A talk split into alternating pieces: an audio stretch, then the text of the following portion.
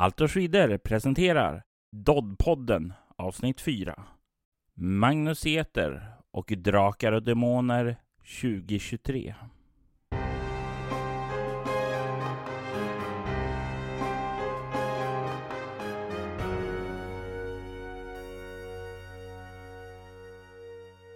Hej och välkommen till det fjärde avsnittet av Dodd-podden.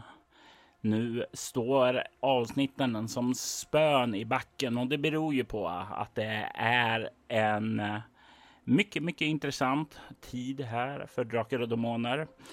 Vi som har backat har fått eh, produkten i våra hem nu, i alla fall de flesta. Inte riktigt alla, men jag och avsnittets gäst har i alla fall fått det och vi hade tänkt att prata om det i detta avsnitt. Välkommen till Doddpodden, Magnus Seter. Hej, hej! Robert. Kul att vara här. Ja, och det är kul att ha dig här. Du är ju ett namn som eh, för många som har följt Drakar och Demoners historia är ett bekant namn. Men för eh, de nykomlingar som inte redan känner till dig eh, så tänkte jag berätta lite för oss om hur du kom i kontakt med eh, drakar och demoner och varför man borde känna igen dig. Ja, eh, vi kan väl börja med den första frågan, för den är ju enklast att svara på. Eh, 1982 så ringde min eh, bästa vän Thomas eh, på dagen efter julafton och sa att han hade fått ett jättekult spel i julklapp. Så, eh, så vi, vi i stort sett bodde hos varandra. Eh, så var det, jag sprang ju över dit och skulle kolla vad det var. Och så var det ju första Drakar och Demoner-lådan. Den som kallas för den blå lådan. Eh, så vi läste de där reglerna och kollade karaktärsbaden och kollade tärningarna. Vi fattade väl egentligen inte så himla mycket men av någon anledning så tyckte vi det där var så jäkla coolt. Så vi eh, kastade oss över Sarkatans gravvalv. För han, han hade fått Morgonstjärnan fyra eller vad det nu var, två eller tre, ja något sånt där. Eh, med Sarkatans gravvalv översatt eh, av Mikael Börjesson. Eh, så vi kastade oss över det. Så det var nog det första äventyret jag spelade. Och jag minns faktiskt, jag tror det var Thomas som spelade. Eh, och jag tror att jag spelade bland Alfred och Troll sen. Det äventyret som var det första eh, egentliga äventyret. Skrivet av Thomas Björklund som var med i Blå lådan. Andreas, om du lyssnar på det här, det var så var det rätt svar. Ja, eh, det var ju en fråga. Det, det, var ju den frågan som Andreas fick rätt på i förra Dodde-trivian ja. där och vi får väl se här hur det kommer att få gå för dig här i avsnittet. Du får vara lite kaxig nu. Och... Ja, jag får vara kaxig nu när jag fick tre rätt på Andreas frågor, men eh, jag kommer inte få några rätt på dina frågor. De här dagens frågor tror jag. I alla fall så, alltså, vi fastnade ju eh, klockrent i Drakar och Demoner och eh, spelade ju det Eh, köpte ju Dimman, eh, Döda skogen, eh, Drakar och Demoner 2 när det kom. Vi köpte tennfigurer nere på leksaksbutiken och sen upptäckte jag att det fanns andra rollspel och så började jag spela Call of Cthulhu, Dungeons Dragons och en massa andra spel. på det sättet. eller på den. Och på den vägen är det. Så. Mm. Det vart ju min stora hobby som eh, många av oss som lyssnar också fick det då. Alltså det är ju ett spel som har dragit in oss i en hobby som ligger nära våra hjärtan än idag för många. Ja absolut och det är väl egentligen därför som folk kanske skulle känna igen mig eftersom jag har väl egentligen aldrig lämnat hobbyn. Eh, det är ju många av dem som jobbar i, jobbade i hobbyn när den startade. Det är inte så många av dem som är kvar. Och Nej. flera av dem tog ju långa pauser där under 90-talet också och har kommit tillbaks nu. Eh, och eh, fått väldigt mycket välförtjänt uppmärksamhet. Jag tänker till exempel på Mikael Börjesson och på Anders Blixt. Erik Granström. De har ju fått revivals så att säga. Eh, Tänkte just det... nämna exakt de tre också. Mm. Jo, men och, och, och jag är ju inte på något sätt på deras nivå överhuvudtaget. Eh, men jag är eh, så att säga en, en och en halv generation efter dem som speldesigner. Så jag började skriva för eh, Target Games 1990. Med Kommer du eh, ihåg- olika saker. Kommer du ihåg vad det första som du skrev var då? Hårda bud heter äventyret. En- klassiker eh, till Nya Mutant. Eh, ett äventyr som jag konverterade från ett eh, eh, som vi spelade på eh, Äventyrsspelskongressen 89 kanske då, något sånt där. Eh, och som jag då renskrev och skickade in till eh, Target Games och frågade om de ville, ville de eh, publicera det äventyret så vore det kul. Eh, och det ville de. Och sen så hade jag tydligen i brevet där skrivit att jag gärna skrev andra saker också. Så att först ringde Olle Salin och sa Hej Magnus, hej hej. Sa jag. Eh, och så sa han, ja vi vill publicera det här äventyret, är det okej med dig? Jag bara, ja visst, hej då, hej då. Och sen ringde det fem minuter senare. Du, jag, ser att det står att du vill skriva mer. Eh, skulle du kunna tänka dig att skriva någonting mer till Sinkadus? Ja visst, vad då? Ja, eh, en... Vi ska ge ut ett nytt rollspel här som heter Kult. Så att om du kan skriva en Kult mutantkoppling eh, så skickar vi dig disketterna till Kult. Och sen så skrev jag då Metropolis skugga som var min andra artikel tror jag. Som jag fortfarande håller som en av mina absolut bästa eh, Sinkadus-artiklar. Eh, och sen så fick jag skriva massa äventyr. Jag, alltså, det, det var ju Det var ju hellre fort än bra på den tiden. det är inte, inte något illa sagt om, om allt som dök upp i Sinkadus men, men eh, då skrev jag väldigt fort och eh, jag kunde skriva ett sånt Sinkadus-äventyr på kanske två, tre dagar. Så att eh, Olle visste det. Eh, som Olle Salin då var ju redaktör för Sinkadus på den tiden. Så då visste han att ja men ring Magnus och så får vi en, en eller två artiklar och eh, pumpa ut i Sinkadus. Så att Sinkadus var första gången svenskar Svenska rollspelare träffade på mig. Eh, jag hade ju skrivit för Cyberpunk innan dess lite grann. Men de sista tidningsnumren av Sinkadus så skrev jag väldigt mycket. Mm.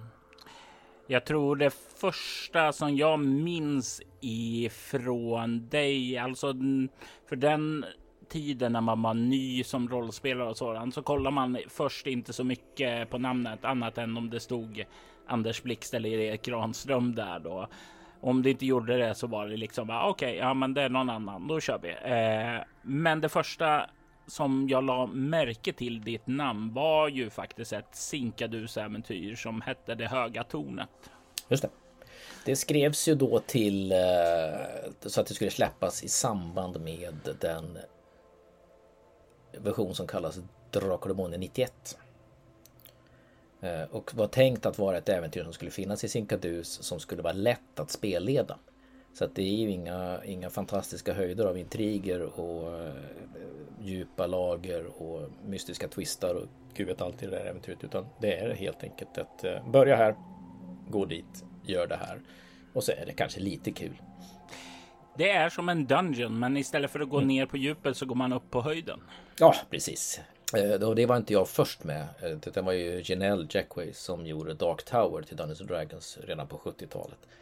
Och där var den stora grejen. Man går uppåt i dungen istället för att gå neråt. Men på den tiden kunde man göra innovationer på väldigt enkla sätt. Precis. Men efter det så skrev jag också Kaos Väktare och det är väl en del, har jag fått veta i efterhand, att det är väl en hel del som gillar Kaos Väktare som var alltså demonmodulen till Drakar och Demoner. Eh, som kom och den skulle heta Demoner men då var ju moralpaniken igång i Sverige så då fick den heta Kaos Väktare istället. Vilket är fortfarande ett av de största helgerånen som har skett i Drakar och Demoners historia. För det hade ju varit så nice att ha en bok som heter Drakar och en som hette Demoner. Ja, det hade ju passat som hand i handske. Alltså. Det hade varit superbra. Men men, så vart det inte. Men den kommer snart av dig. Ja, vi får se. Vi får, vi får se. Eh, jag har en del andra projekt på gång som, som går före där. Eh, och eh, samtidigt, jag tror att det är en, en, jag tror att det skulle vara en bok som passar sig väldigt bra för tredjepartsutgivning för eh, Drakar och Demoner. Eftersom ligan mycket riktigt, jag tycker de har rätt i att hålla nya Drakar och Demoner väldigt intimt och litet så att säga. Eh, Det är Dimmornas dal. Eh, Det, det, är inte, det är inte massvis med, det är inte stora oceaner och det är inte stora fält vad heter stora länder. Det är inte jättestort helt enkelt. Det är ett det är avgränsat geografiskt område som är eh, ganska perfekt för nybörjarspelare att komma in i. Det är lätt att glida in i. Ger du en hel värld så vet du inte var du ska börja. Nej, men precis. Och, och eh, jag har ju tänkt en del på hur man skulle göra då. Jag har ju tänkt att jag ska ta hjälp av folk också för, för att det är ingen idé att jag skriver det där själv utan jag vet att eh, någon eller båda av eh, Bernal Loveiko gillar ju kaosväktare. Eh, så att de har ju erbjudit sig att hjälpa till. Eller någon av dem i alla fall minns jag. Eh, Samuel. Samuel är det kanske ja, just det. Uh, det är så att det finns, det finns saker att göra där. Men då har jag tänkt så att det blir ju mer en kosmologisk bok också. Och det är kanske någonting som ligan inte är så pigga på att göra. Eh, så att man inte fastnar i det här. Eh, men det står i den här boken att det finns åtta eller nio existensplan och där ligger det och där ligger det och där mm. ligger den och där ligger den. Utan det, om det är en tredje part som kan föreslå att okej, okay, det här är en kosmologi som ni kan använda som eh, skulle kunna funka för eh, Drakar och Demoner, då kanske det passar bättre. Så, så kan de fokusera på supplement som passar bättre för den här alldeles fantastiska boxen som vi har framför oss. Mm. Men sen så, sen så skrev jag ju också då för uh, Riot Minds. Uh, Vinterskogens hemlighet, uh, också ett av mina bästa äventyr. Uh, som följdes upp av Trollkvinnans gåta och så skrev jag Demonkungens dal som var med i deras retro Drakar och Demoner box. Mm. Också. Och så har jag nu skrivit Trolletin till nya Drakar och Demoner. Och en hel del Fenix-grejer. Eh, också nya monster och eh, i nästa Fenix kommer en eh, ny magiskola. Mm. Nekromanti. Nekromanti, precis, precis. Dante gjorde det... mig uppmärksam på att jag hade glömt att göra en färdighetslista för nekromantiker så att jag får göra en jag får göra en, ett addendum eh, någonstans. Det, det är ju någonting som eh, är så lätt att glömma små saker där. Ja, gud ja. Och sen så samtidigt är det lite sådär också då att den magiskolan som, som kommer, den nya Fenix, den passar alldeles utmärkt för den här nya boxen. Men mm. skulle man skriva en bok om odöda, då skulle man också där tycker jag behöva gå in lite mer på var kommer själarna ifrån? Vart ska de åka när de dör? Och varför kommer de tillbaks? Och vad tycker gudarna om det? Och så vidare. Så, vidare, så, att det är ju en, det är ett, en, en, jag tror att det är ett dilemma för eh, för dels för oss som skriver för tredjepartsgrejerna förstås att det inte är bestämt. Men det är också en möjlighet. Precis.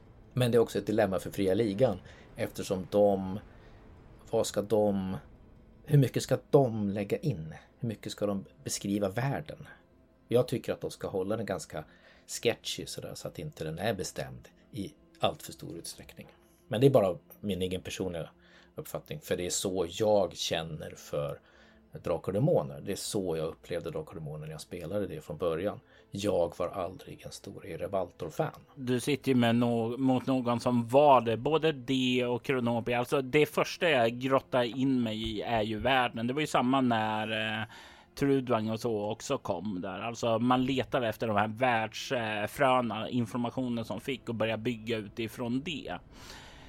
Och det som jag ser framför mig som är väldigt intressant nu med hela tredjepartstillverkarna är ju att om du tar den här dimmiga dalen. Den är ju skriven som så att du kan placera in den i vilken spelvärld som helst. Du kan ju ta och eh, lägga in den, ja, till exempel i Vindheim som eh, vi pratade om i förra avsnittet Doddpodden. Men du kan lika gärna lägga in den i Erebaltor och sådant där. Och det kan ju påverka saker i äventyret, till exempel som du beskriver där. Hur, eh, ja, hur ser de odöda ut? Själavandringen och allt mm. det där. Och det kan ju vara så här att det påverkar på väldigt olika sätt. Och i början så ser vi säkerligen inte så mycket av det, men när tredjepartsutgivningen kommer igång, då finns det ju så mycket valmöjligheter. Mm, absolut, och, och jag, eh, det ska bli jättespännande att se. Uh, nu har det kommit den här uh, Volt of Cyril, vad det heter. Den här, en av de här som jag backade. Och sen så har Drömmerne på norska kommit precis i dagarna såg jag. Det blir fruktansvärt mm. dyrt att skeppa till Sverige. Så att jag funderar fortfarande på om jag ska eller inte ska köpa den. Jag hade ju turen att eh, köpa ut den via en norrman då. Så okay. eh, blev det billigare frakt. Men det mm. verkade ju vara en box också. Ja, precis. Nu, nu hjälper det inte det att jag är norrman för jag bor i Sverige tyvärr. Då, då. Så att, eh, det hade ju varit roligt om det räckte att jag var norrman för att få billigare frakt. Men eh, så är det ju tyvärr inte. Eh, men, eh, nej, men det blir nog att beställa den i alla fall. För det är ändå roligt att ha de här. Eh, om jag hinner då. Det var ju bara 75x som, som har tryckts. Så att man mm. får se. Så, nej, men det, det, ska bli så himla roligt att se vad alla skapar. Du har skrivit för Fenix. Andreas yes. har skrivit för Fenix. Jag har skrivit för Fenix. Är det fler som har gjort det? Eh, jag måste erkänna att jag inte har helt koll på det. Jag vet, vi vet ju också att Erebaltor är ju på gång. Från mm. Helmgast, från Måns och, och Leon där. Eh, de kommer ju att förvalta Erebaltor, tror jag i alla fall. Eh, jag vet, du är expert på det där så att du, du vet väl bättre än mig hur, eller du har väl ja. i alla fall mer åsikter om hur de har förvaltat Erebaltor i Kopparhavets hjältar. Jag, jag, jag, tycker ju som så att säga att det, det kommer ju alltid finnas de som klagar över att det inte precis så som det stod i Erebaltor-boxen. Men utifrån det jag har sett utifrån vad jag vet om deras designfilosofi och sådant där så känner jag mig helt lugn. Kommer saker att förändras mot hur de exakt var? Självklart, men jag tror också det blir bättre att liksom få en enhetlig filosofi bakom det. Mm, ja, men det håller jag med Absolut, och det, det, det tycker jag också är en tydlig grej vi ser med, med dagens rollspel. Att de är ju väldigt mycket mer genomtänkta än när jag skrev Mutant Chronicles till exempel. Eller eh, när vi, när första Drakar och Demoner kom. Det var ju en översättning av Magic World och eh, jag spelade den på något litet konvent eh, med ett gäng. Och alltså, det är ju hopplösa regler. Eh, det är van, eh, vansinniga. Sådär. Eh, och, och, allt är ju så mycket mer. Vi har ju lärt oss så mycket mer om hur man skriver rollspel idag. Eh, så att det är ju, tycker jag i alla fall, mycket bättre produkter som kommer ut. Sen kanske de saknar något som fanns förut en nybuggaranda eller en upptäcktslust eller en Oj, vad är det här? Vi har ingen aning om vad vi gör, men jag skriver det här för det är kul och coolt. Nu kanske man måste tänka efter lite. Okay, men ska jag skriva ett ninja klass till den här, eh, det här spelet eller ska jag inte göra det? Så nu måste vi tänka lite mer. Mm precis den här ungdomliga, naiva upptäckarlusten gentemot det eftertänksamma, erfarna synsättet. Där. Ja, men man kan ta bara som ett exempel. När jag fick göra eh, andra upplagan av Kult så fick jag vissa direktiv och så gjorde vi, tog vi vissa kreativa beslut som jag aldrig skulle ta idag. Uh, idag skulle jag, jag är otroligt imponerad av vad, vad Petter och, och, och, hans gäng har gjort med Kult, fjärde upplagan av Kult. Eftersom de, de, de bestämde sig för att äh, bort med de gamla reglerna och eh, så går vi tillbaks till det som är kärnan och visionen med kult. Inte så mycket exakt vad som står på sidorna i gamla kult utan vi ska fånga eh, känslan av kult. Och, och de gjorde det på ett smart och, tycker jag, väldigt, väldigt bra sätt. Så att man behöver ju inte heller vara bokstavstrogen för att eh, fånga en hel del av det här gamla, den här gamla sköna känslan från rollspel egentligen. Liksom, när allt var nytt. Det är inte så mycket som är nytt längre. Och eh, nu, just den känslan tycker jag är ett väldigt, väldigt bra avstamp in i avsnittets diskussion då, nämligen den nya Drakar och Demoner boxen. För det är lite grann exakt den känsla eh, som jag hade när jag öppnade det här paketet. Att det var. Det var som när man var liten. Den här, ja du drar plasten, kommer åt eh, själva eh, boxen, känner tärningarna, eh, liksom ligga där inne och skallra. Och sedan när du lyfter av taket och bara kolla ner på allt som fanns där. Den första saken som jag kände så här när jag tog i boxen är att den är väldigt, väldigt kompakt. Mycket mer eh, hård och tålig än de gamla boxarna. Ja, eh, precis. Eh, den, den är ju eh, lackad, så den är ju fantastiskt fin. Jag tycker att om inte någon redan förstod så vill jag bara säga det att, att allt jag, Fria Ligan, jag skriver för Fria Ligan. Så att eh, ni, ni, får välja hur ni vill. Ni lyssnare får välja hur mycket ni vill tycka att jag, jag undviker att säga saker bara för att jag skriver för ligan. Eller om ni tycker att ja, ja, men han har väl något att säga i alla fall. Sådär då. Bara så att ni vet det. Men. Jag, jag skriver inte för ligan där så. Alltså, du, jag du kan har säga inget sånt där så jag kan men, säga vad jag vill. Men och jag har inte varit inblandad i själva skapandet av nya Drakar och Demoner. Jag har skrivit äventyret Trolletin Eh, allt det andra har eh, Fria Ligan gjort tillsammans med ett gäng från Helmgast bland annat. Eh, mm. Så att det är ett samarbetsprojekt mellan många svenska rollspelsskapare. Så att det är nog ett av de mest genomspelade och genomtestade rollspelen som har släppts på väldigt, väldigt länge i Sverige. Mm. Och jag är otroligt imponerad av hur de har fått ihop den här produkten. För att det är som du säger, när man plockar upp den, den är tung, den är solid. Den är, den känns verkligen som, oj, vad är det här? Det är jättemycket i den här boxen. Det är inte som förut, du kommer ihåg man tog upp med Avalon Hill-lådorna bara skak, skak, skak, så rassel, rassel, rassel, rassel och pling. Det här är verkligen, det är kompakt. Mm. Och den känns så jäkla stabil, lådan. Den är ju den mest stabila. Ja, möjligtvis Trudvang-boxen. Eh, eller jubileumsutgåvan. Någon av dem mm. var rejält stor också tror jag och rejäl. Eh, men annars var ju Dod 1 2 och 3. Trean blev lite rejälare, men 2 ja, och 2,1. Ja, 2,1 och sådär. Det är fortfarande, mm. tvåan är ju min favoritversion. Eh, men, men 3, eh, Dod 91 var det väl, den hade rejäl box också sådär. Mm. Men de första de var ju liksom sladdriga förstås. Så att det är ju, och det är lackat, alltså alltid. Nu börjar man prata om så här produktionsvärden. Som Dante skulle varit här och, och som har layoutat allting. Han skulle kunna prata om produktionsvärden och upp och ner. Men känslan är liksom den, den här glatta grejen. Men vad tycker du om omslaget då? Skulle de ha behållit Elric eller skulle de inte?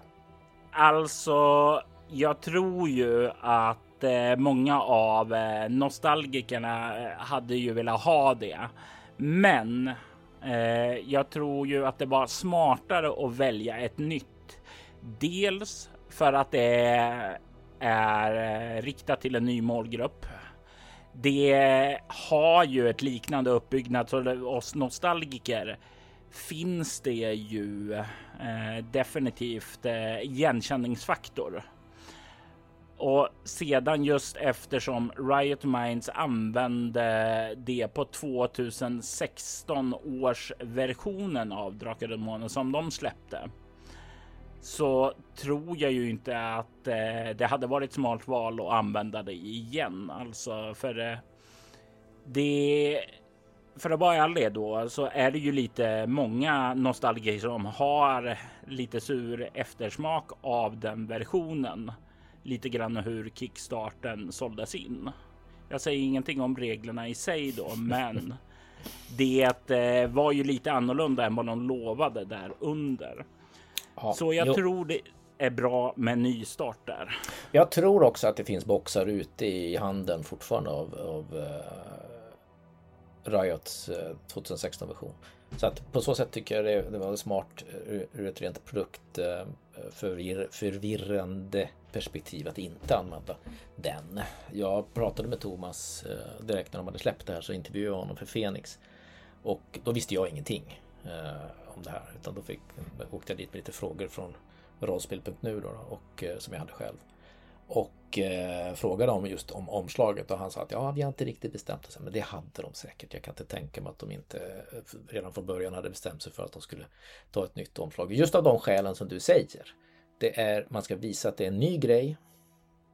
Men man ska visa att det finns kopplingar till det gamla. Och färgskalan i sig är ju så inpräntad i svenska rollspelares huvuden Att det är, eh, alltså bara man ser direkt att ja men det där är ju drakar och demoner. Och så, ja just det, var det så där den såg ut? Det minns jag inte, men ja, ja det är säkert det, för det står ju drakar och demoner också. Så att jag, jag har, jag har Först var jag lite så ah, men det är klart det ska vara gamla omslaget, det är ju drakar och demoner. Men sen så Nej, nu när jag ser det så här och, och boxen och allt så, så, tycker jag att det är Nej, men jag tycker det, det har varit bra. Det har varit jättebra. Mm. Och det är ju också om vi tar och kollar, inte direkt på reglerna utan lite annat vad som finns där också, så följer ju med någonting som nu för tiden inte är riktigt lika självklart när många rollspel är böcker och sådant där. Det följer med ett tärningssätt. Ett grönt genomskinligt tärningssätt, eh, men eh, T20 som har ett djävulshuvud eller demonhuvud ska jag säga på 20 och en drake på ettan. Alltså. jag, tycker det är roligt att de, eh, att de, eh, att de är gröna. Genomskinligt gröna för att det går igen med, med hela, alltså hela produkten är väldigt medvetet gjord på så sätt. Den är väldigt sammanhållen. Det är inte, det är inte eh, slumpmässiga tärningar som första Drakar och Demoner så var det de tog, tog tärningar lite vad de hittade och sådär. Så det var inte, alla fick inte samma tärningar. Men här är det verkligen, de är gröna. Man ser direkt om någon sitter och spelar så ser man direkt att ja, det där är ju Demoner-tärningarna. Eh, om inte någon har andra gröna genomskinliga tärningar förstås. Då. Men, men de här är, känns ändå väldigt, väldigt distinkta. Mm. Vad är det? Det är två T20. Ser det ut som. En, en T12, en T4, en T10, en T8 och fyra T6 har jag. Ja, det har jag också. Jag hade inte ens märkt att jag hade två T20. Bra Robert där. ja, jag tänkte inte på det eh. först nu. Det är först nu som jag har plockat ur dem ur påsen. Eh, ja, och det är ju eh, som så att de här extra tärningssätten som kommer säljas bredvid kommer ju inte ha fyra T6 utan det är ju bara för boxen och att man ska kunna slå fram rollpersonerna med det. Nu slår ju fram grundegenskaper som vanligt med 4 T6. Där. Ja, just det. Eh, jag, är ju, jag har ju läst några som tycker att det var snålt att inte det var mer träningar någonstans. Jag kom, nu när jag ser att det är 4 och 2 T20 så är jag inte riktigt säker på vad det var de vad, vad tyckte var snålt. Men, men det är inte 4 T6 med i de här extra tärningssätten då. Utan Då är, så det, det, är färre T6 där då. Jaha, så om man beställde extra tärningssätt ja. så fick man ett vanligt tärningssätt? Aha. Ja. Ja, det visste inte jag, för jag beställde ju inga extra tärningssätt. För jag har ju då två lådor med svenska drakar och demoner och en låda med amer äh, amerikanska. En låda med engelska. Jag har bara en amerikan eller engelsk och en svensk. Men ja, okay. Så du har bara två lådor? Precis, det, men det kommer ju fler lådor när eh, norska och tyska ja, och allting sådant där sen. Då får vi fler. Ja, jag vet inte om jag ska köpa fler, kanske en norska. Men, men nej, men så att jag har ju då. Jag har tre uppsättningar tärningar. Eh, sen är det ju så att alla, jag skämtade ju med de andra på, på, i spelgruppen om det där, att alla i vår grupp har ju backat Drakar och Demoner. Mm. Och jag har tre exemplar. Dante eh, som har layoutat är med i min spelgrupp. Och han har fem lådor. eh, och jag tror att de andra har ett par till. Så att vi, vi kommer att ha alltså 10-15 lådor i vår spelgrupp bara och kunna liksom sitta och ja, vilken regelbok ska vi använda idag? Och det känns ju jätteöverflödigt så jag hoppas att, att jag kanske kan sälja eller, eller tävla, göra någon tävling och bli av med några av de här lådorna sådär, i framtiden. Men vi får se. Jag är lite av en samlare eh, när det gäller rollspel så att det är svårt för mig att göra mig av med, med saker och ting. Men tärningarna är ju superfina tycker jag. Eh, mm. Jag, jag, jag, tänker mig att det är, kommer att ta en liten stund innan jag blir van vid eh, 1 och 20, alltså draken och demonen. Mm. Eh, det är ju det alltid det någonting. Nu, ju äldre man blir desto svårare blir det att se saker och ting där. Precis, och, och men, i min spelgrupp så, så, finns det någon som har, har den här genomskinliga med, med, med jättetunna, jättevackra så jag ser aldrig vad de slår överhuvudtaget. Eh, och eh, därför jag tycker de här siffrorna är tydliga och fina för mig. Förutom just mm. att när jag slår en, en drake så kommer jag behöva luta mig fram några gånger innan jag förstår när jag kan känna igen mönstret. Precis, det är när man känner igen dem så kommer man behöva stirra lite. Annars har jag ju inte testat dem än, men man ska väl sätta sig ner och slå tusen slag för att se om de har en normal fördelningskurva och sådär. Är man en riktig rollspelare då kanske. Det var någon som gjorde det i gamla White Dwarf vet jag. skulle testa en, en T100 eh, och slog tusen gånger. Och skickade in en normalfördelningskurva på resultaten. Det är nördigt på, ett, eh, på en nivå som jag kan uppskatta. Ja, absolut. Det är charmerande nördigt faktiskt. Eh, så. Nej, men tärningspåsen är bra. Men okej, men då vet vi att om man har beställt extra tärningssätt då får man inte med fyra. Utan de är bara i boxen så att säga. Ja, precis, precis. Eh, men vi hittade lite annat sak. Vi fick med en golvplan och figurer eh, tillsammans med några fötter att placera de här figurerna då. För det är ju inte tennfigurer utan det är ju såna här pop-out eh, hårdkartongs eh, silhuetter av figurer. Precis. Eh, I, i gammal klassisk Drakar och Demoner-stil ska man väl säga. Att, att, det var ju någonting som eh, Äventyrsspel började med i version 2 av lådan. Eh, att de hade med de här svarta siluettfigurerna som egentligen, om jag minns rätt, så var ju det avtecknade varianter av de tennfigurer som Jan Edman AB distribuerade då. Oh. Så jag tror att de, man till och med kan se att det, det där är en, en, en sån och det där är en sån. Eh, och så kan man hitta tärning, tärnfigurer för det. Så att det var ju då och då fick man ju med en, en liten golvplan och de här figurerna som man fick klippa mm. ut och vika ihop och ställa upp. Och det var ju kul ett tag. Och, och jag kan ju säga som så att det, det kom ju även i 3.0 då, alltså 87 versionen. Eh, inte siluettgubbar då, utan det eh, var ju då verkliga eh, ja, avtecknade figurer som de vi har här i boxen då. Eh, fast betydligt tunnare papper. Och sedan till exempel i magiboxen och jag tror även i 91 så följde med några tennfigurer också. Ja, magiboxen hade fyra eh, och i 91 var två stycken med. Det var ju Rolfes grottan eller Rolfes nostalgi postade om det där för att det tydligen det finns variationer där. Vissa magiboxar har olika figurer, men de flesta, några har olika återigen det du var inne på det här med eh, man tager vad man haver och slänger ja. in det. Precis. Men om vi kollar då på golvplanen så har vi ju en liten, eh, vad ska man säga, en, eh, ja, en dungeonplan och en gräsplan lite grann. En för utomhus och en för inomhus som man kan vika upp där för att få en lite större plan. Ja, precis. Och den, den, är ju, eh, den räcker väl för en strid, tänker jag. Eh, mm. och, så. Och, och, det är ju eh, Det är väl en sån där sak också att de har ju De har ju Två meter, fyra meter, sex meter, alltså meter i, i räckvidd och jag antar att en ruta här är två meter. Så, ja. Eh, och eh, så de har ju behållit det helt enkelt. Ja, Eh, var det en och en halv förut? Var det så? Jajamensan. Så var det, just, ja. Så det är ju en liten förändring där. Men å andra sidan är det betydligt lättare att hålla i huvudet där två istället för en och en halv. Ja, så, ja men absolut. Och men det är jag... ingenting jag tycker stör mig på heller. Men jag tror inte jag kommer använda den här eh, golvplan, golvplanen så himla mycket. Eh, så vi får se vad, vad, hur mina spelare kommer vilja spela det här. Eh, Med tanke på att de flesta av mina spelare är poddare så ja. kommer jag inte att kunna använda de här figurerna, även om jag tycker att eh, det är fina figurer. Bra kvalitet i det, det eftersom det är så hårt eh, och sedan den här golvplanen är ju dessutom lite så här plastig så att den är inte så eh, känslig för till exempel om du råkar få någon fukt på den. Det... Nej, precis. Nej, alltså själva de här äh, pop-up-gubbarna, de är ju fantastiskt fina.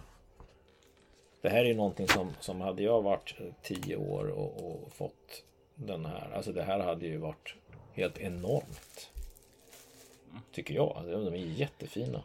Eh, och det ska ju sägas att de här är ju målade av Johan Egerkrans då. Just det. Nu ska vi se om jag minns att de här till och med är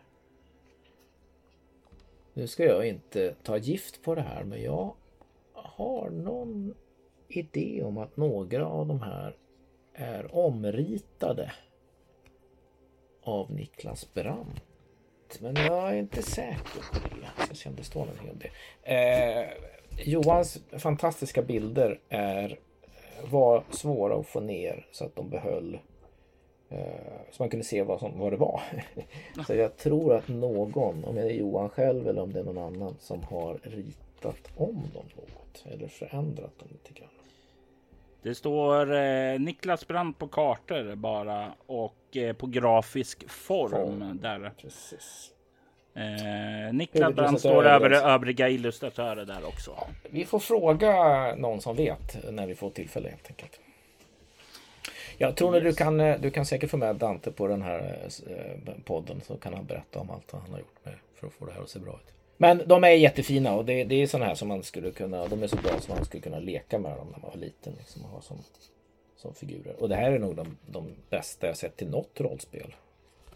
För första gången jag träffade på sånt här, det var ju Call of Cthulhu, andra upplagan. Det var exakt samma stil som de som är med i andra upplagan av Drakar och Demoner. Eh, väldigt tunt papper, svartvita silhuetter. Och så eh, klippte man ut dem och vek ihop dem. Eh, och sen har jag inte sett något sånt här. Samtidigt så, så det här är ju också en sån där nostalgisk tillbakablick mot hur det var förr. Eh, jag är inte helt säker på att vi kommer att använda de här så mycket när vi spelar. Eh, men eh, jag, jag, tycker det är roligt att de finns med. Särskilt att det finns med. Alla monster finns väl med va? Ja, det och det var ju någon, var det du som föreslog det på rollspel.nu att det vore ju kul om, om eh, ligan gjorde stand-ups på om de nu ska göra en monsterbok eller en monsterbox eller vad de nu ska göra. Att de eh, har med sådana här stands, stand-ups också. Eller stand-is eller vad det kallas. Det var inte jag, men eh, det var ju definitivt en bra idé. Eh, nu när du pratade här så var jag så fräck och gick ifrån mikrofonen en stund för jag slogs av en misstanke här. Jag gick och plockade ut min eh, version av Drakar och Demoner 2016. Yep. Jag ser här att det följer med tre stycken siluettgubbar som är identiska med eh, de som följer med i den här boxen. Okej, okay. spännande. Okay. Eh, det är ju mycket, de, de, är mindre och det är papper som är väldigt mycket tunnare. Det är kartongpapper fortfarande. Ja, Men du menar tre, tre, ark? Eller? Jajamensan. Okay. Jag gör en kort eh, sån här jämförelse nu så ja. ser jag att det verkar vara samma samma antal gubbar men utspridda på tre ark istället för två då. Ja, för jag tror att Draken 2016-lådan är mindre än eh, den här lådan. Det är den.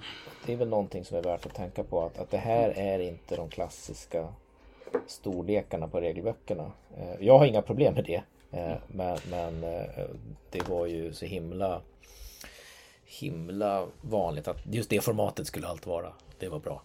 Jag som vill ställa alla Drakar böckerna eh, bredvid varandra i en hylla. För mig gör det ju ont. Men å andra sidan gör det mindre ont nu än när Riot Minds fuckade upp mig med alla sina olika format för varje utgåva. Varje bok skulle ha ett nytt format nästan. Så eh, det är redan nednött det där motståndet för länge sedan för mig. Jag gillar att det är lite, att det inte är en full A4. Utan jag gillar att, att själva böckerna har en, en, en, den storleken de har. Det tycker jag verkar coolt. Nej men de här de figurerna tycker jag är jätteroliga. Det var någon som sa att de hade velat haft lite, lite fler sådana här fötter till gubbarna.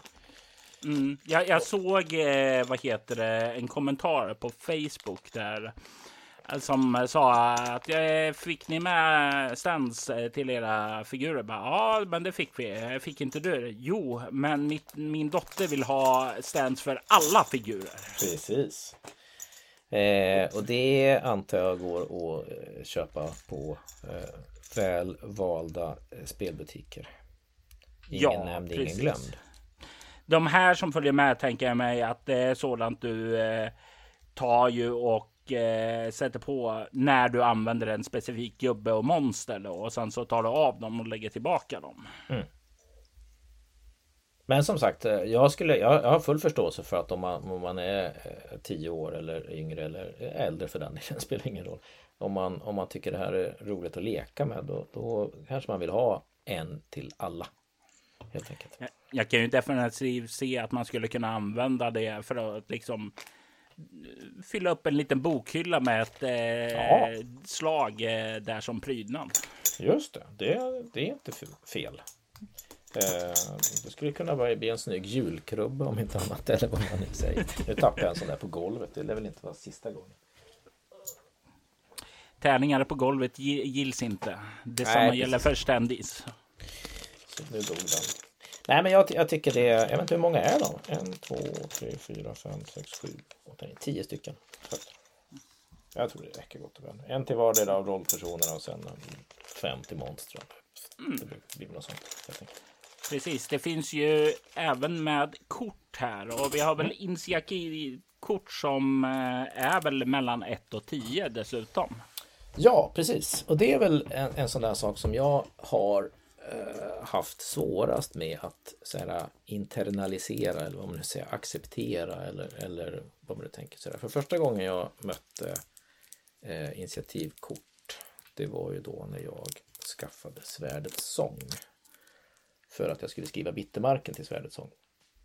Och då var jag tvungen att lära mig systemet och allt sånt där. Då hade de initiativkort. Eh, och det eh, var väl kul tyckte jag. Eh, och så. Det är fortfarande så att, att jag instinktivt inte, alltså högt initiativ är bra tycker jag. alltså, man spelar Dungeons Dragons så mycket som jag, som jag har gjort. Då, så är högst initiativ. Men, så högt, det men, men, det är ju exakt samma i Drakar och Månader också sedan ja. tidigare. Så. Så att det här är på att, samma bord. Ja, så att ett, eh, börja med ett och två. Det är ju logiskt. Det är ju fullständigt logiskt. Men, men eh, det var svårt. Men då när de berättade att de skulle ha initiativkort i Drakar och Demoner, då var det så här, ah, det är ju svärdets sång, det är ju, kan inte, bla bla. Så. Eh, samtidigt så spelar ju inte det så stor roll. Och när vi har använt initiativkort så har det funkat väldigt bra, tycker jag. Det eh, kan jag hålla med om och det är ju särskilt om du spelar runt vid ett och samma bord där. Nu, det blir lite jobbigare för mig som poddar då om alla ska ha sin egen kortlek och sådant. Du kan inte skicka runt kortleken och så vidare och så vidare.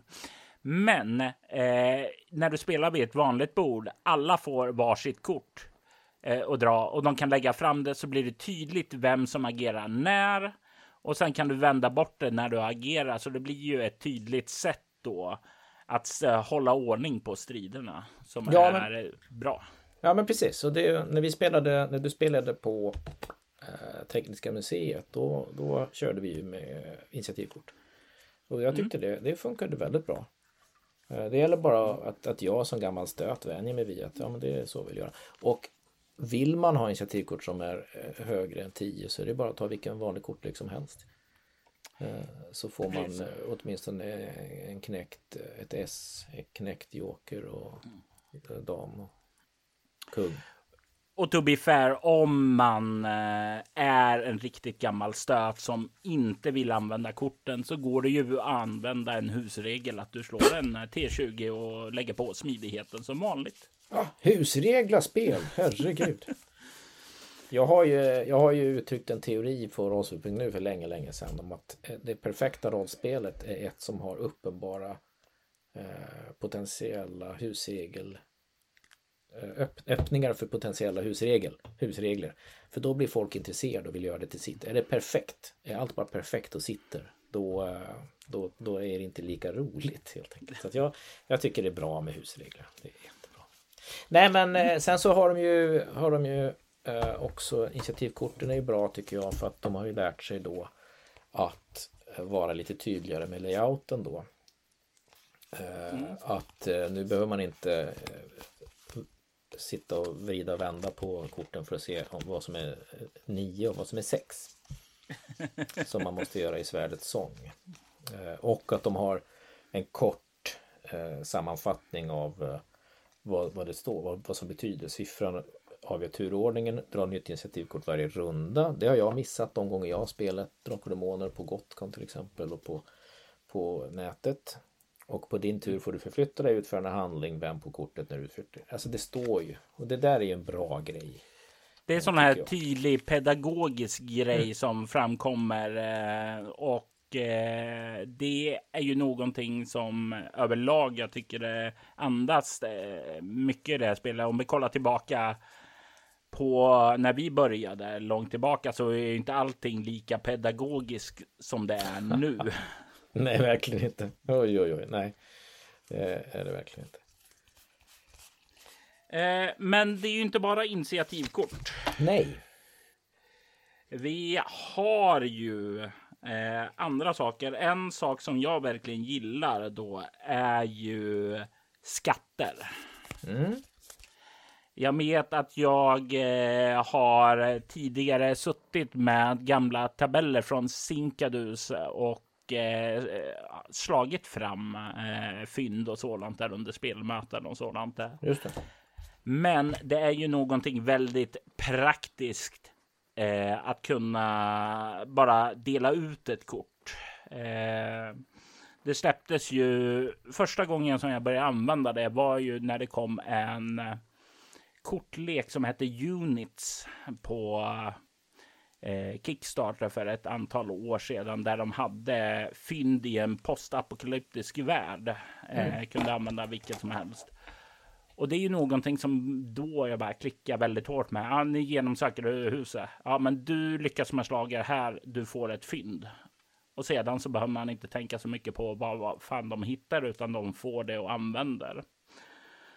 Och det är ju lite grann samma sak här. Jag märker ju när jag själv har börjat skriva saker här att om någon lyckas eh, med ett finna dollar ting på den här platsen kan ni dra ett skattkort. Alltså då slipper jag som eh, konstruktör också eh, placera ut exakt vad som finns här. Ja, precis. Och, och det, det, jag har inte riktigt testat det där än. Det var när jag spelade med Gestalt-gänget eh, så eh, var det ju en test och så krävde de att få, få använda skattkorten. Då hade jag inte den tryckta upplagan. Men då, då slumpade vi fram det hela. Eh, och det funkade väl hyfsat tyckte jag. Sådär. Det är ju egentligen bara en slumpmekanik. Och då slipper man som du säger skriva ut i äventyret. Här hittar de två T20 silver och fem koppar och sådär. Eh, sen har inte jag kollat alla skatter för att se hur, hur, hur, liksom, hur mycket berg det här är. Men jag minns att när de slumpade fram när de spelade Trolletins så fick de eh, något no guldmynt och, och något annat och en råtta. Jag tänkte just säga det. Min favorit av det lilla jag hunnit bläddra igenom är råttan då. Den vart de mest glada för faktiskt. För då stoppade de den i en liten påse och skulle börja fundera på hur de ska göra den till sin familjar. Så att äventyrare har ju lite olika idéer om vad som är en skatt och inte. Så är det ju. Det är mycket mynt vad jag kan se när jag bläddrar ihop det här. Inga sådana här fantastiska överdimensionerade grejer. Vad jag kan se är en formelbok, en giftdolk och ett mästerligt smittvapen är väl det tyngsta då som man kan hitta där. Eh, men jag får ju genast idéer. Hmm, man skulle ju kunna göra en Kickstarter på magiska föremål. Eh, ja, ja. Och liknande. Eh, och fylla ut med mycket, mycket mer fynd då. Ja, gud ja. Och, och det är väl det som är, är om man bara, bara liksom funderar lite generellt på, på boxen och på vad som finns i boxen. Så, där. så det är väl en sån sak som, som jag tycker är någonting som ligan har tagit fasta på i just den här upplagan också. Även i andra upplagor kanske. Men det här är ju ett spelspel. Eh, det, det hade ju kunnat vara en bok. Men ett, ett bok, ett rollspel i bok eh, tilltalar ju oss rollspelsspelare. Rolls, roll, eh, ja, vi som spelar rollspel som köper alltså Dungeons Dragons böcker och allt det där. Liksom. Eh, men det här är ju riktat till en annan publik eh, och här är det, det är, ett, det är mer ett spel eh, som det är kul komponenter helt enkelt. Och jag, jag, tycker att det är väl någon sån där sak som, som det kan ofta hända att rollspelare som har varit rollspelare i miljoner år glömmer själva det här fan det är roligt med komponenter. Det är kul liksom. Utan man blir så här, men det ska vara en bok, det ska vara det och det ska vara det. Det är theater of the mind och bla bla. Medans, ja men det är, det är kul med kort helt enkelt. Jag är ju definitivt som du. Jag kommer nog inte använda mycket av det här krimskramset då. Men jag älskar det. Alltså det är ju spännande att bläddra i och Eh, skattkorten gillar jag ju då till exempel. Eh, golvplanerna kanske jag inte får så mycket användning av och när jag kollar så här så finns det ju en bunt också med improviserade vapen där. Och de här improviserade vapen så är det ju uppdelat för om du är i skog, grotta eller värdshus. Och det är ju sådana här äventyrarmiljöer som är du är i på ett par, ja, på återkommande basis då. Så det är väl eh, avvägda miljöer, men jag vet inte hur mycket jag kommer att använda dem där. Men eh, jag gillar ändå idén att det finns där, för det blir snabbt där att när någon säger att jag sliter tag i det närmsta som finns. Vad finns det? Ja, ja men här, dra ja, ett kort. Dra ett kort. Eh, ja, jag gillar det och det är ju ett annat sätt att paketera en slumptabell. Det är inte, det är, mm. liksom, det är ju det. Och det finns ju, det här hade man kunnat lösa med en slumptabell också förstås. Och det hade väl kanske varit renare utifrån ett, ja men allt ska stå i regelboken och sådär. Men jag, jag gillar, jag tycker det är roligt. Ja men då ska du, ja, dra, dra här. Så, och det, det, blir ju pedagogiskt för alla värden och sådant. Det står ju direkt på kortet där. Så då har ju du det. Du behöver inte fråga berättaren eller spelledaren vad det vad, Men vad gjorde det skada nu igen? Nej, Utan du har ju det. Eh, så det, och det gillar jag. Och jag, jag tycker det är en bra tanke du har där att, att det finns ju verkligen möjlighet för ligan att göra fler kortlekar. Så att man får dem i samma kvalitet som de som är. För det ska vi väl också säga att korten är inte tunna kort utan de är också tjocka, rejäla, bestrukna. Känns som att de tål en spill Eh, av läsk eller något sånt. Liksom. Att man, kanske till och med kaffe om man torkar av det snabbt och så. Men, men de, de känns ju väldigt stabila. Sen kanske man vill sliva dem i alla fall. Eh, jag kan tänka mig det är många många med mig som, som gillar att ha saker och ting så, så eh, nyskick som möjligt. Det finns ju en eh, Facebookgrupp som heter eh, Dragon Bane Drakar och Demoner TTRPG på Facebook och där har ju redan börjat upp, dyka upp eh, slivade eh, kort. Men också, det är ju folk som har gjort en, eh, ja, en sån här liten tuckbox, alltså en mm. kortlekshållare där du kan stoppa in dina kort där. Så Precis, det han, har, han har väl gjort ett par till stycken där. Ett för mm. initiativkorten här som man kan skriva ut och så klistrar man ihop det. Eh, och så kan man lägga allting där i. Och det är jättekul tycker jag. Och bara det visar ju på att det redan eh, finns där en bubblande kreativ eh, hop av människor som vill börja använda de här. Ja, och som, som, ja precis, och som, som tycker det är kul med de här grejerna också. Liksom. Sen har vi äventyrskorten och de, de är jag, väl om man ska jag, slumpa fram ett äventyr. Ja, jag tänker att vi kommer till dem när vi Nej. kommer till äventyrsboken. Vi ja, lämnar dem lite åt sidan ja, för tillfälle, men det är de sista korten som finns där. Precis. Ja, just det, för det där är ju de. Ja, just det. Vad dum jag är. Eh, då väntar vi med äventyrskorten. Men, men, eh, nej, men jag, jag gillar det. Jag tycker, jag tycker det, det, de, det känns bra. Känns kul. Och, och, och, och, det är väl, nu är det visserligen kanske någonting man ska plocka, prata lite mer om sen, men alltså för en nybörjarrollspelare att plocka upp den här lådan. Inte sett så många så här solida nybörjarlådor. Alltså.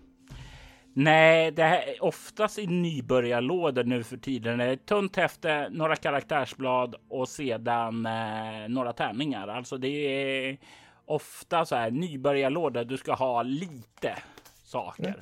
Precis, och så ska man eh. köpa den stora boken. Och jag har köpt, jag har förstått det som jag tyckte att ja, men det är väl en smart strategi. Så liksom. Men när jag ser det här där man får in ett fullfjädrat rollspel. Inte ett Dungeons Dragons förstås, för det är inte den typen av spel. Men det är ändå ett spel som räcker långt och som har mycket i sig och som har jättemycket äventyr. Så det, egentligen så behöver man bara köpa den här boxen. Sen så behöver man inte något mer. Och så är det ju verkligen, för det finns ju så att det räcker eh, i evighetens evighet höll jag på att säga. Men med alla äventyr som följer med så har du ju massor att utforska där och under tiden som du börjar bara spela äventyren för att lära och känna det där så kommer du börja känna, ja, men vad händer om jag gör det här istället? Eh, så det, det finns ju så det räcker och blir över.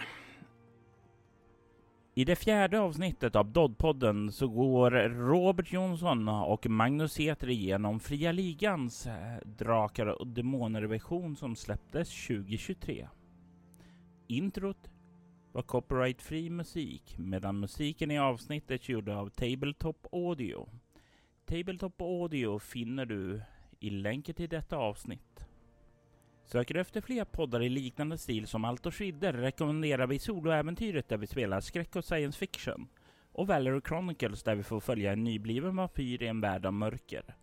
Du hittar mer information om båda poddarna på bortom.nu. Du kan följa oss på Instagram och Facebook som Allt och Skidder eller Spela Bortom. Det går även bra att mejla oss på info.bortom.nu. Vill du stödja Roberts fortsatta kreativa skapande kan du göra det på patreon.com Robert Jonsson. De som backar får tillgång till material i form av extra poddar. Jag är Robert Jonsson. Tack för att du har lyssnat.